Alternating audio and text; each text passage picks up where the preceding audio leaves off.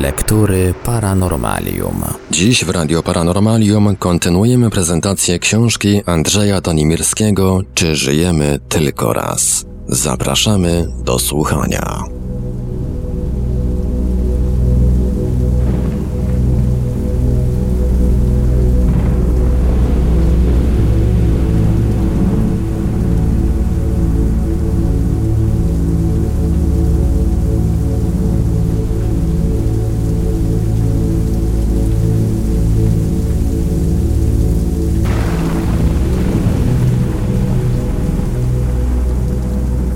Oprócz świadectw wielu naukowców pracujących samodzielnie, również zespoły szeregu placówek naukowych podjęły badania tego zagadnienia i potwierdziły obserwacje doktora Moody'ego. Badania takie prowadzono w Stanach Zjednoczonych w Stanford Research Institute University of Virginia. Zagadnieniem tym zainteresowało się również Amerykańskie Towarzystwo Parapsychiczne, którego kierownik dr Carlis Onzis po przeanalizowaniu około tysiąca relacji związanych ze śmiercią kliniczną potwierdził obserwacje Moody'ego. Nie ma już w zasadzie wątpliwości co do realności tych przeżyć. Jakie jest więc zdanie nauki, a w szczególności co sądzi o tym współczesna wiedza medyczna? Śmierć kliniczna w ciągu kilku minut przechodzi w śmierć biologiczną, po której zachodzą nieodwracalne zmiany zmiany i nie ma już powrotu. Lecz w ciągu tych minut, chociaż serce nie pracuje i człowiek nie oddycha, aktywność mózgu nie ustaje. Jednym z ważnych pytań, które pozostaje jak dotąd bez odpowiedzi, jest jaki procent ludzi reanimowanych nie ma żadnych doznań i czy doznania te wywołane są przez środki chemiczne podawane chorym. Leków nie zawsze się używa. Co więcej, jedna z osób, która zmarła dwukrotnie, przypisywała brak tego rodzaju doznań za pierwszym razem właśnie stosowaniu środków farmakologicznych. Jeżeli natomiast przeżycia były skutkiem skrajnego niedotlenienia mózgu, zachodzącego w stanie śmierci klinicznej, kategoria pierwsza, to dlaczego w licznych przypadkach ludzie znajdujący się na pograniczu śmierci, czyli w stanie zaliczanym do kategorii drugiej, u których takiego niedotlenienia nie było, mieli doznania nie mniej intensywne od przeżyć pośmiertnych? Być może wątpliwości te można by wyjaśnić na gruncie neurologii, jako efekt zaburzenia przeciążonego układu nerwowego lub na gruncie psychologii, jako efekt halucynacji wywołanych deprywacją sensoryczną pozbawieniem bodźców zmysłowych. O zupełnie nowym jakościowo charakterze relacjonowanych przez doktora Moody'ego eksperymentów świadczyć mogą nieliczne, dobrze zweryfikowane przypadki, w których osoby uznane za zmarłe widziały w czasie przebywania poza swym ciałem rzeczy lub wydarzenia, o których w żaden inny sposób nie mogły się dowiedzieć. Psychologiczną interpretację pośmiertnych doświadczeń, w szczególności kontaktu ze świetlaną istotą, uznawaną przez niektórych za postać religijną, odgrywającą w ich życiu istotną rolę, znaleźć można w tybetańskiej księdze zmarłych. Moody pisze: Zgodność pomiędzy wczesnymi stadiami śmierci opisanymi w tybetańskiej księdze zmarłych, a doznaniami, które wielokrotnie były relacjonowane, jest co najmniej fantastyczna. Koniec cytatu. Księga ta powstała według współczesnych ocen w XIII bądź XIV wieku, opisuje również dalsze etapy śmierci już po przekroczeniu ostatecznej granicy.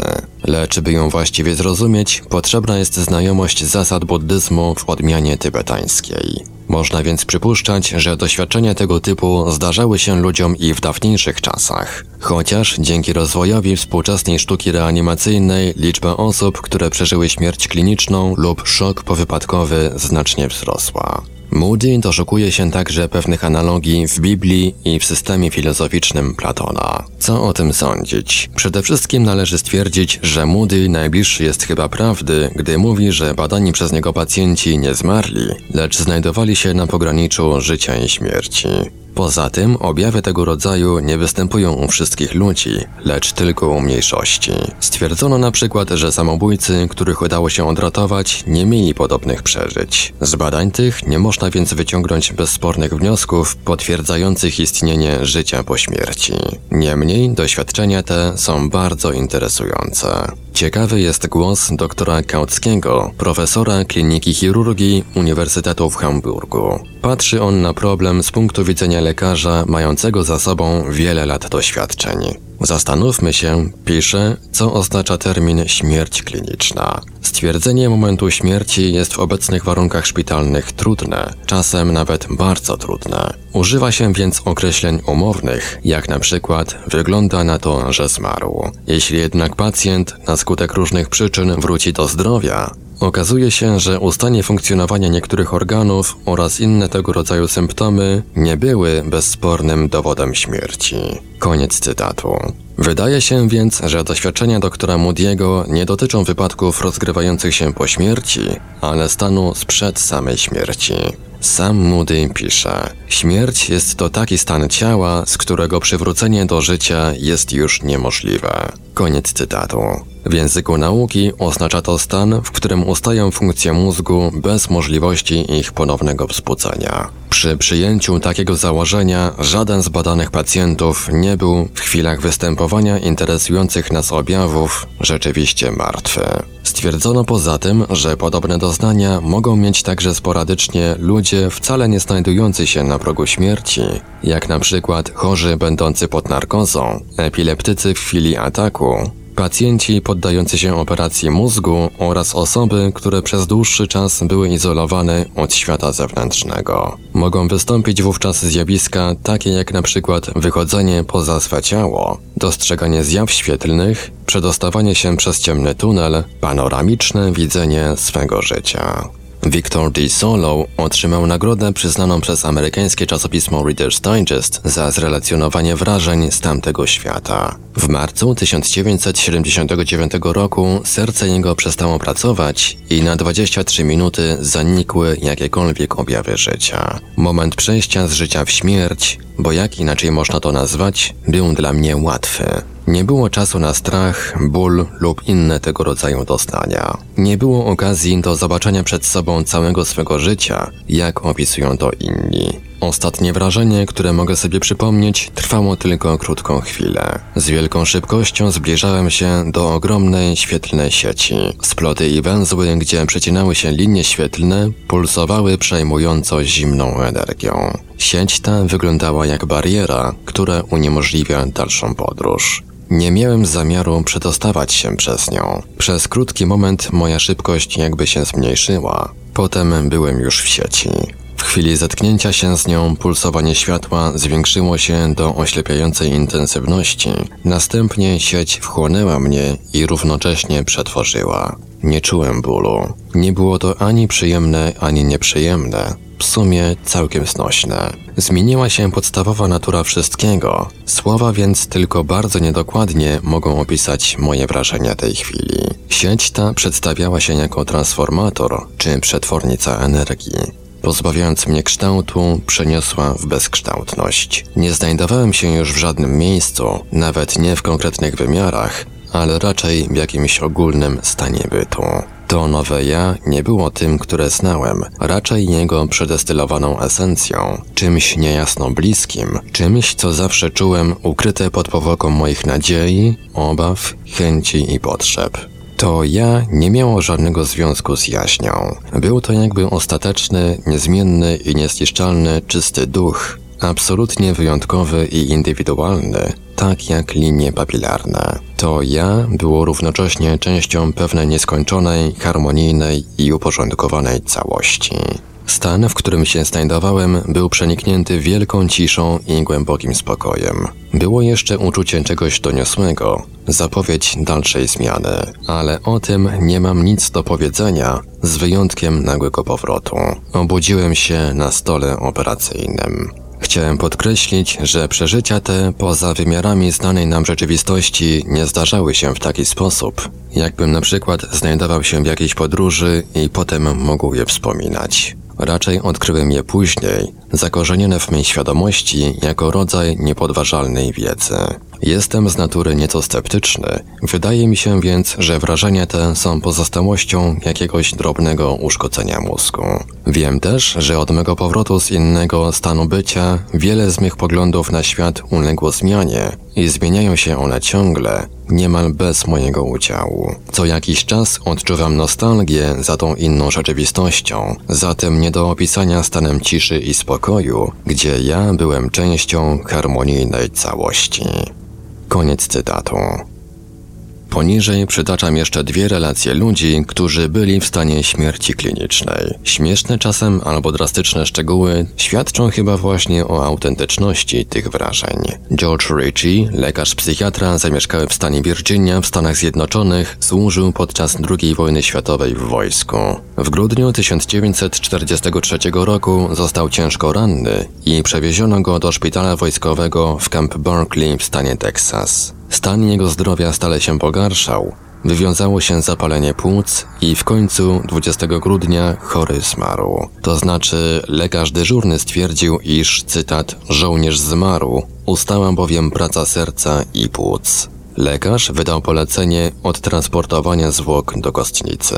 Tymczasem 10 minut później ktoś z personelu szpitalnego zauważył lekkie poruszenie klatki piersiowej zmarłego. Natychmiast wstrzyknięto Richiemu wprost do serca adrenalinę, skutkiem czego zaczął on dawać oznaki życia, a następnie całkiem przyszedł do siebie. Dr Ritchie następująco opisuje swe doznania w stanie tak stosunkowo długotrwałej śmierci klinicznej. Było to z jednej strony coś najbardziej konkretnego, z drugiej coś najbardziej niezrozumiałego z tego, co zdarzyło mi się w życiu. Mogę więc tylko opowiedzieć wszystkie szczegóły, nie żądajcie jednak wyjaśnień. Mogę natomiast dodać, że utwierdziło to moją przedtem bardzo wątpliwą wiarę w życie pozagrobowe i raz na zawsze odebrało strach przed śmiercią. Koniec cytatu. A oto szczegóły. Gdy choroba Ryciego osiągnęła punkt szczytowy, nagle stwierdził on, iż w pewnej chwili przestał odczuwać wszelkie bóle i dolegliwości. Poczuł się zadowolony i lekki jak piórko. Równocześnie jednak z pewnym zdumieniem zauważył, iż znajduje się obok swego łóżka i spogląda na jakieś zwłoki człowieka z charakterystyczną szarą twarzą. Cytat. Ktoś leżał na łóżku, które przed chwilą opuściłem. W otaczającym półmroku zbliżyłem się więc do niego i cofnąłem z powrotem. On nie żył. Jego obwisłe policzki i szara skóra wyglądały strasznie. Wtedy zobaczyłem pierścionek na jego palcu. Był to pierścionek przyjaźni, który nosiłem od pięciu lat. A więc ten człowiek na łóżku to byłem ja. Koniec cytatu.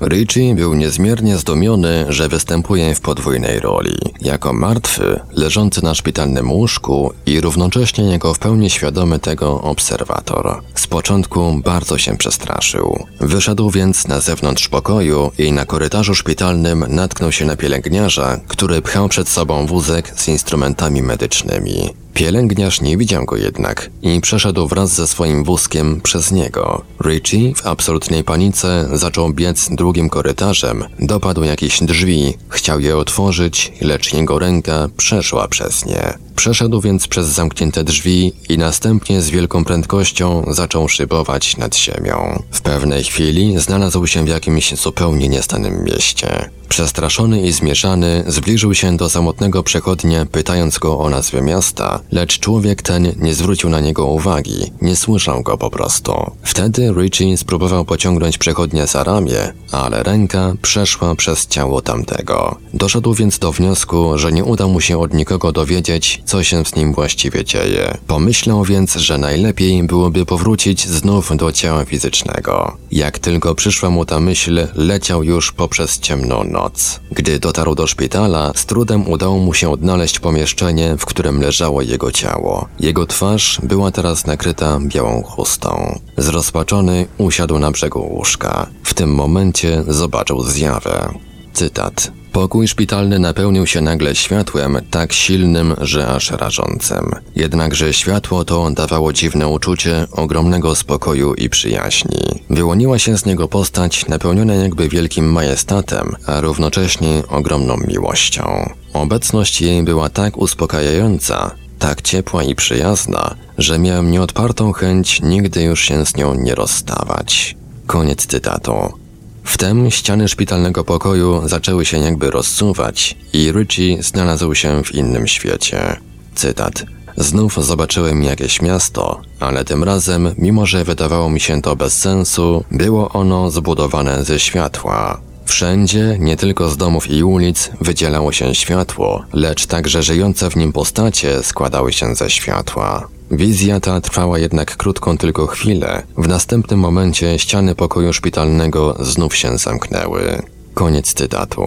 Lecz postać świetlista, o której Richie powiedział, iż nigdy już by się z nią nie chciał rozstać, przez chwilę była jeszcze w szpitalnym pokoju. Pomału oślepiające dotąd światło zaczęło przygasać, aż w końcu znikło. Richie obudził się. Znajdował się znów w swym ciele. Gdy później wiele razy opowiadał o tym przeżyciu, twierdził, iż nie ma pojęcia, dlaczego umarł, a następnie dlaczego wrócił do życia. Wszystko co wiem, to to, że byłem nieszczęśliwy, gdy obudziłem się znów na mym szpitalnym łóżku. Bardzo chciałem znajdować się nadal tam, gdzie byłem jako umarły. Koniec cytatu. Siostra szpitalna Rita Irvine, która w czasie śmierci Richiego znajdowała się przy nim, twierdzi, że jest pewna, że on rzeczywiście przez jakiś czas nie żył. Informacje zaczerpnięte z książki Ayana Curry You Cannot Die. Pani M podróżowała i nocowała w hotelu. Podczas snu uległa silnemu zatruciu na skutek nieszczelności w grzejniku gazowym znajdującym się w jej pokoju. Była zdziwiona i przestraszona, gdy nagle stwierdziła, że opuściła swoje ciało. Zapragnęła jak najszybciej znaleźć się w swym rodzinnym domu i po chwili już w nim była. Zajrzała do sypialni. Oprócz męża zobaczyła tam innego mężczyznę, którego rozpoznała jako sąsiada. Niepomiernie ją to zdziwiło. Bardziej jeszcze zaskakujące było jednak to, że przy łóżku leżała gruba pałka, a w pokoju panował ogromny bałagan. Dotknęła twarzy męża, chcąc go obudzić, ale nie mogła w żaden sposób zwrócić na siebie jego uwagi. Pomyślała wtedy, muszę wrócić do ciała, i znalazła się momentalnie w pokoju hotelowym obok swego ciała leżącego na łóżku. Następnie straciła przytomność, a gdy ją odzyskała, była w swym ciele, a obok niej siedział lekarz. Powiedział, że już uważał ją za zmarłą. Sprawdzono wszystkie podane przez nią szczegóły. Rzeczywiście, sąsiad, przyjaciel męża, odwiedził go tego wieczoru. Podczas rozmowy szczur przebiegł po podłodze pokoju. Mąż i przyjaciel próbowali zabić szczura pałką. Podczas tego polowania porozrzucali meble i zrobili straszny bałagan. Przyjaciel został na noc, Kin zaś pozostał koło łóżka, na wypadek, gdyby szczur znów się pojawił. Reinhold Messner, znany alpinista, zdobywca wszystkich szczytów w Himalajach liczących powyżej 8000 metrów, szczególną popularność zyskał w roku 1970 wejściem na Mont Everest bez butli tlenowej. W parę tygodni później wspiął się samotnie na szczyt Nanga Parbat. Napisał książkę z pogranicza strefy śmierci, będącą rodzajem pamiętnika, w której zawarł wiele swych doświadczeń ze wspinaczki wysokogórskiej oraz relacje innych alpinistów. Książka ta może zainteresować nie tylko wspinaczy, ale także parapsychologów. Messner zebrał wspomnienia tych, którzy spadli w przepaść, lecz udało im się przeżyć. W takich chwilach prawie u wszystkich występują podobne objawy. W momencie upadku nie odczuwa się na ogół paraliżującego strachu i nie wpada się w panikę. Są to objawy typowe dla mniej groźnych upadków, natomiast przy śmiertelnym zagrożeniu występuje ogromna jasność myślenia i błyskawiczne, napółinstynktowne, napółświadome rozważanie wszelkich możliwości ratunku. Prawie zawsze spadający nie odczuwa bólu, nawet przy wielokrotnym uderzeniu o skały. Niewrażliwość taka utrzymuje się przez dość długi czas. Wydarzenia są obserwowane jakby w zdziwieniu i beznamiętnie. Według niektórych relacji uczucie upadku wcale nie jest nieprzyjemne, szczególnie przy tak zwanym wolnym spadku. Następuje wówczas jakby odprężenie, które przechodzi następnie w uczucie swego rodzaju szczęścia. Niekiedy używa się nawet określenia wybawienie. Klaus Morman, który sam spadł, zbierał potem relacje i opisy innych. Interesującego zjawisko podzielił na kilka etapów. Pierwsze stadium to rozpoznanie niebezpieczeństwa i gwałtowne poszukiwanie możliwości zatrzymania upadku, co się udaje lub nie. Jeśli upadku nie da się uniknąć, następuje stwierdzenie niemożności działania, a co za tym idzie, uczucie rezygnacji. To drugie stadium. Trzecim jest przekonanie, iż śmierć jest pewna. Powoduje to, twierdzi Morman, jakby odwrót od rzeczywistości, swego rodzaju derealizację. Na tym właśnie etapie prawie zawsze pojawiają się swoiste halucynacje. Czucie mego ciała prawie całkowicie wygasło. Znajdowałem się poza nim, byłem wolny od wszystkich związków z ziemią. Przedstawiona relacja nie jest odosobniona. Wiele innych mówi również o przypadkach wyjścia poza ciało. Przykładem może być doznanie Norberta Baumgartnera, który spadł w czasie samotnej wycieczki w Alpach. Cytat. Sam upadek uświadomiłem sobie w postaci jakiejś strasznej zmiany. Znalazłem się w sytuacji, która dotąd była mi zupełnie obca. Przedtem wiele razy widziałem, jak spadali inni. Tym razem widziałem kogoś, kto dosłownie w każdym szczególe przypominał mnie samego. Kogoś, kto mógł być tylko mną. Lecz nim nie był. Nie mógł nim być, ponieważ ja przecież widziałem go. Ten tam nosił moją starą czerwoną kurtkę, wymagającą już od dawna naprawy, moje buty i brudno-zielone spodnie. Ten tam wyglądał zupełnie tak jak ja. Był zdziwiony, zaskoczony. Wisiał na półce, następnie spadł i pozostał leżący. Długo hałasowała lawina kamieni, gdzieś daleko w dole grzmiało.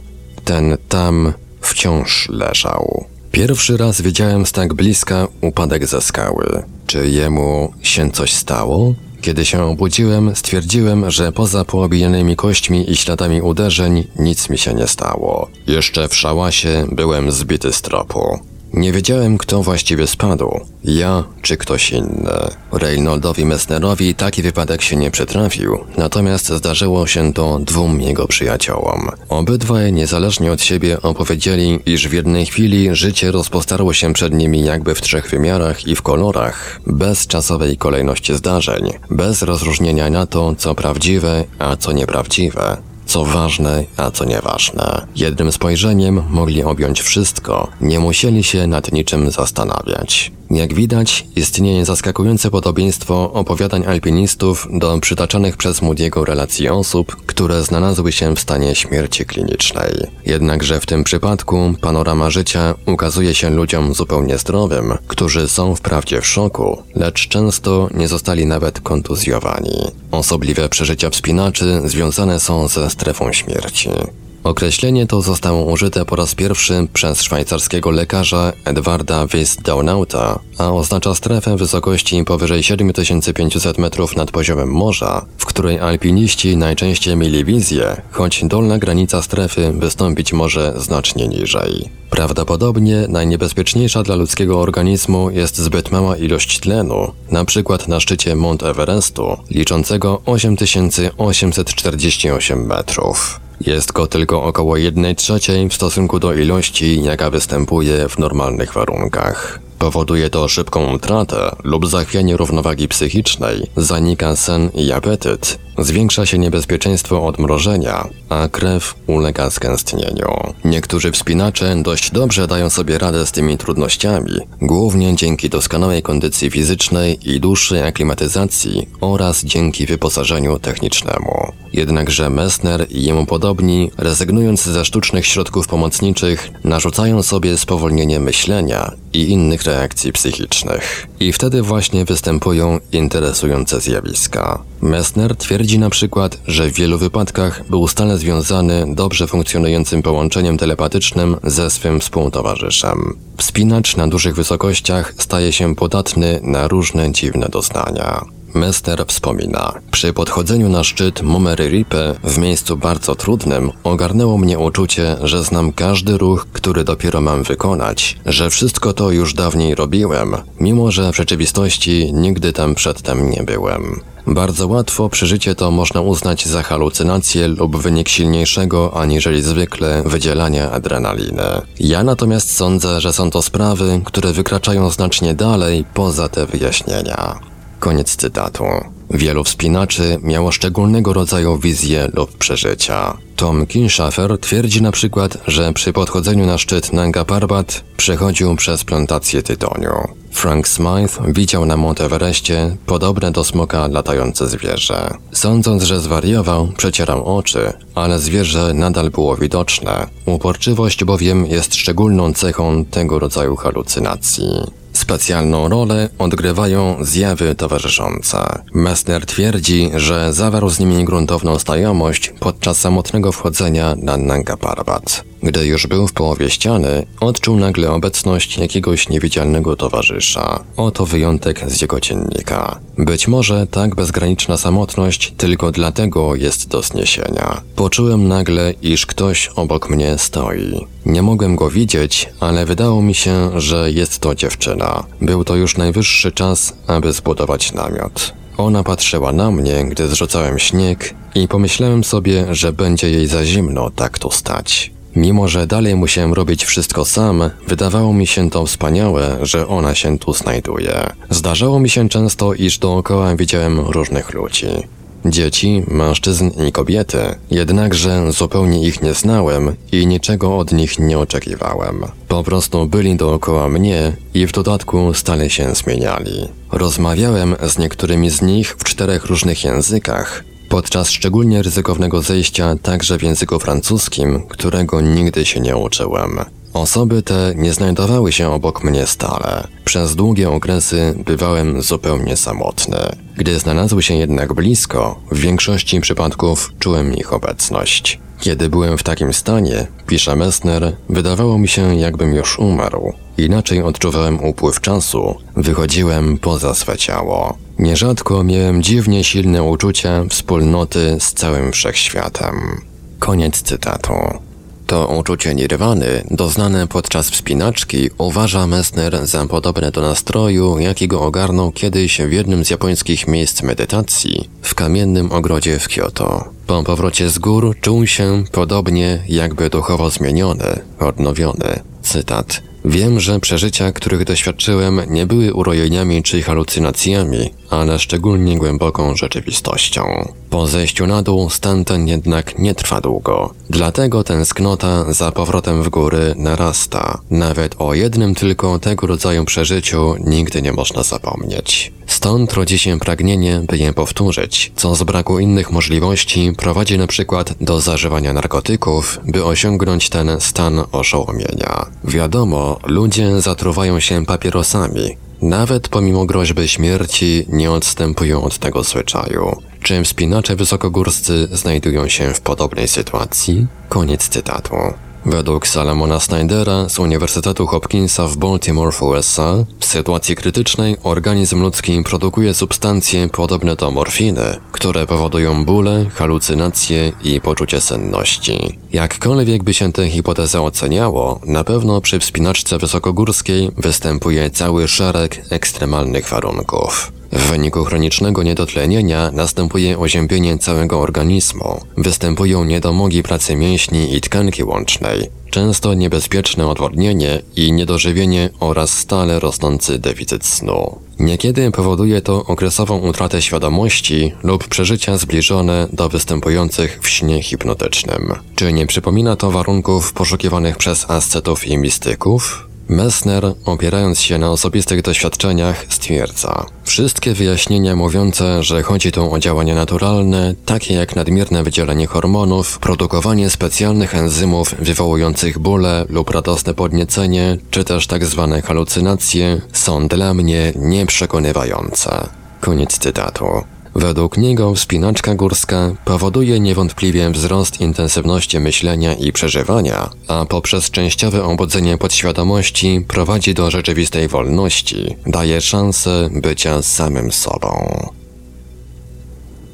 Rozdział trzeci. Nieznane części naszej istoty.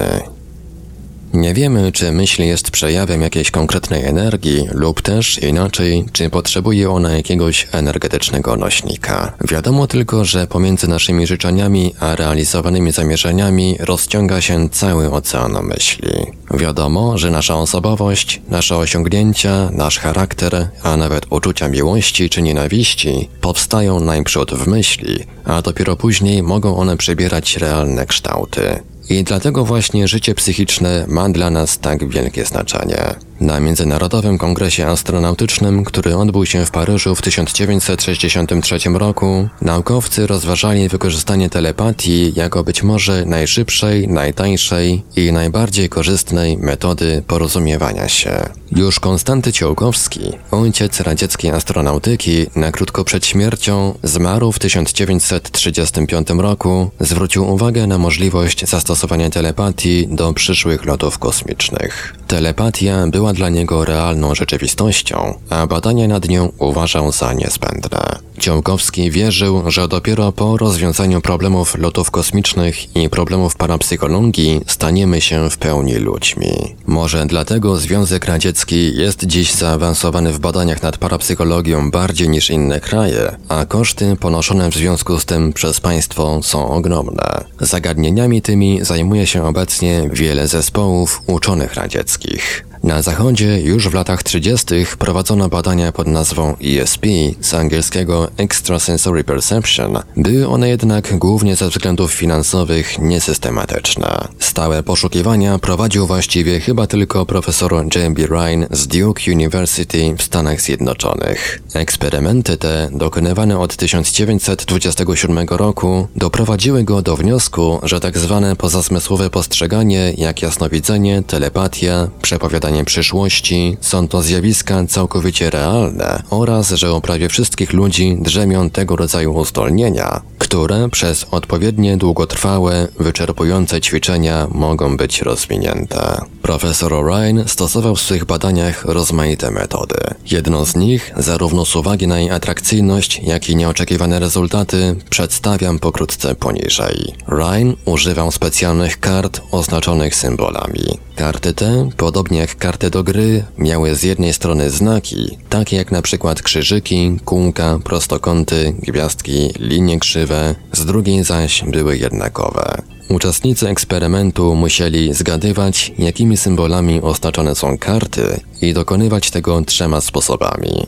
Metoda pierwsza. Osoba badana, czyli odbiorca, miała za pomocą przenoszenia myśli, to znaczy telepatii, odgadnąć, o jakim symbolu myśli w tym momencie nadawca, to jest eksperymentujący naukowiec. Metoda druga. Osoba badana miała przewidzieć, które symbole na kartach, nieznane w tym momencie nawet eksperymentatorowi, będą za chwilę odkryte. Metoda trzecia. Osoba badana miała przepowiedzieć, które karty wypadną w najbliższym czasie z automatycznie mieszającego je aparatu. Te przez wiele lat prowadzone eksperymenty dały w efekcie następujące rezultaty, które przedstawiam w ujęciu ilościowo-statystycznym. Przy użyciu 25 kart i 5 symboli średnia przypadkowa kształtowała się według prawa wielkich liczb około cyfry 5. Przy 200 badaniach, 8 rozgrywkach i 6,5 trafieniach prawdopodobieństwo przypadkowości wynosiło jak 1 do 150. Przy nieprzerwanych trafieniach, także i przy małej liczbie doświadczeń, nie notowano właściwie żadnej przypadkowości. Przy 9 trafieniach przypadkowość kształtowała się jak 1 do 2 milionów. Przy 15 trafieniach przypadkowość ta kształtowała się jak 1 do 30 miliardów. Angielski matematyk S.G. Soul kontynuował w latach 40.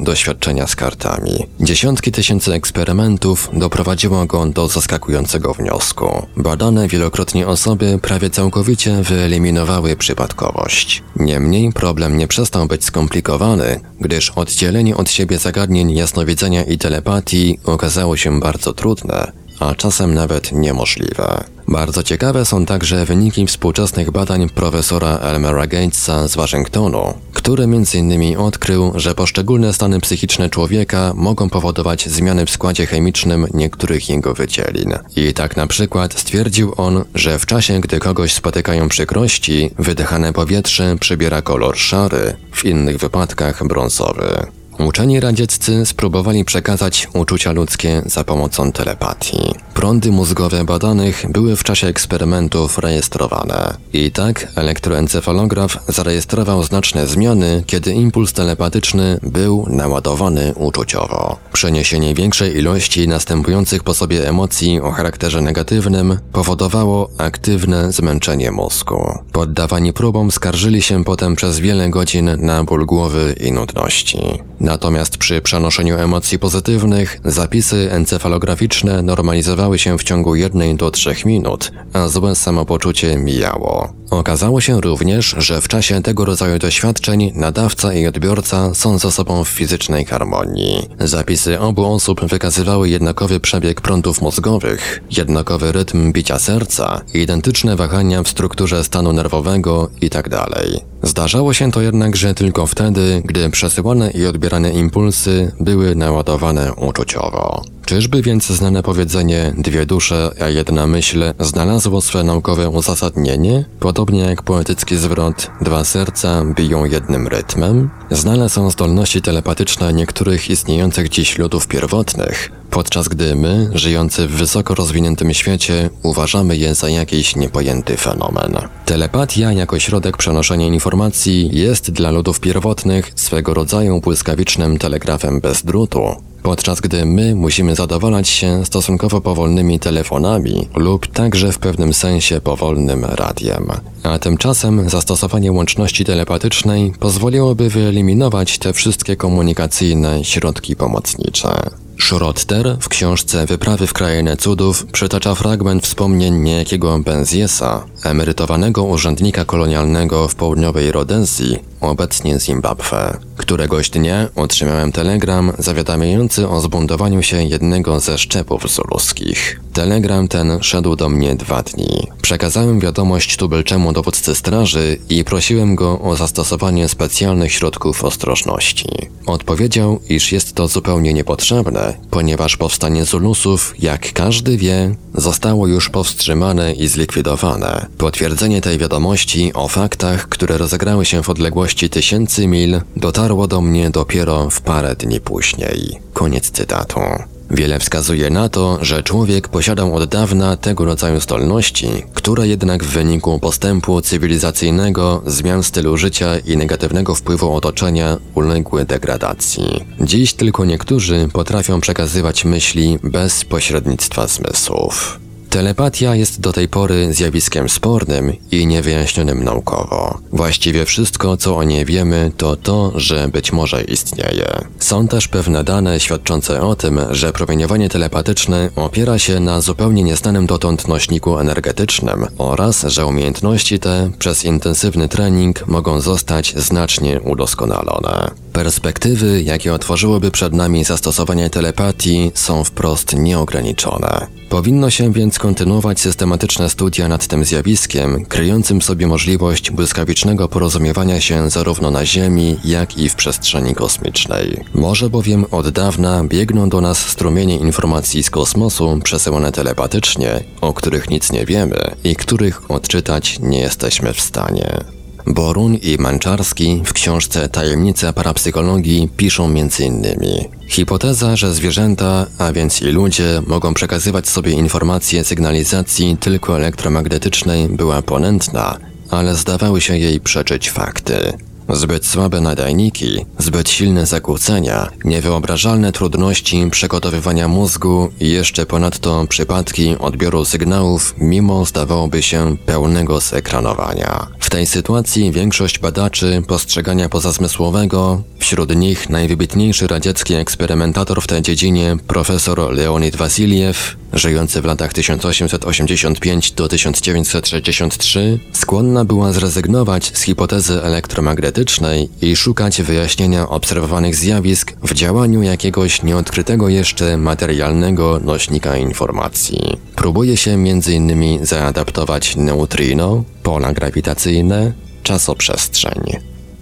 Z inną koncepcją wystąpił w latach 70. Aleksander Dubrow z Instytutu Fizyki Ziemi Akademii Nauk ZSRR. Oparł się on na teoretycznych rozważaniach radzieckiego fizyka Błonina dotyczących wykrywania fal grawitacyjnych przez organizmy żywe i sformułował hipotezę biograwitacji. Dubrow próbuje wykazać, że procesy zachodzące w komórkach żywych na poziomie molekularnym, a w szczególności zmiany formy i struktury przestrzenne biomolekuł w wyniku przemian konformacyjnych, to jest dotyczących ułożenia atomów i grup, polegające na przechodzeniu ze stanu płynnego w stan krystaliczny, prowadzą do takich zbliżeń atomów, które powodują duży wzrost sił przyciągania grawitacyjnego. Wszelka zaś zmiana promieniowania rozprzestrzenia się z prędkością światła w postaci fal grawitacyjnych. W ten sposób właśnie pole konformacyjne staje się, według Dobrowa, źródłem fal o quasi-grawitacyjnym charakterze, tworzących się w wyniku termicznych drgań molekuł. Pole takie podlega jednocześnie wpływom innych pól biograwitacyjnych i emitowanego przez nie promieniowania quasi-grawitacyjnego. Każda bowiem żywa komórka jest jakby nadajnikiem i odbiornikiem tych fal.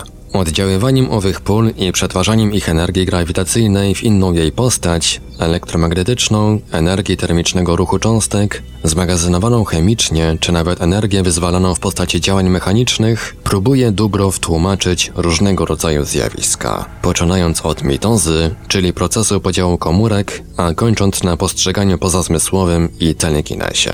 Rozwiązanie niektórych współczesnych zagadnień parapsychologii może doprowadzić do zasadniczych zmian pojęć obowiązujących dotąd w naukach przyrodniczych. Hipoteza biograwitacji staje się obecnie przedmiotem dyskusji. Jest ona popierana przez uczonych uznających konieczność wprowadzenia do biologii pojęcia pola sił. Uznanie biograwitacji jako szczególnego pola materii ożywionej stwarza w konsekwencji pewne zasadnicze problemy. Jednym z nich jest inne podejście do zagadnień przestrzeni i czasu. Dowodzi się na przykład, że własności czasoprzestrzenne ożywionych form materii mają charakterystyki metryczne i topologiczne. Innym problemem jest wpływ organizmów żywych na czasoprzestrzeń. Wydaje się, że dzięki hipotezie biograwitacji będzie można przeanalizować zmianę czasoprzestrzennych wartości biologicznych oraz nakreślić ich nowe zasady. Należy zauważyć, że już na molekularnym poziomie życia, w trakcie transformacji strukturalnych polegających na wzajemnym dostosowaniu biologicznych molekuł w komórce, nie obserwuje się wycierania ciepła.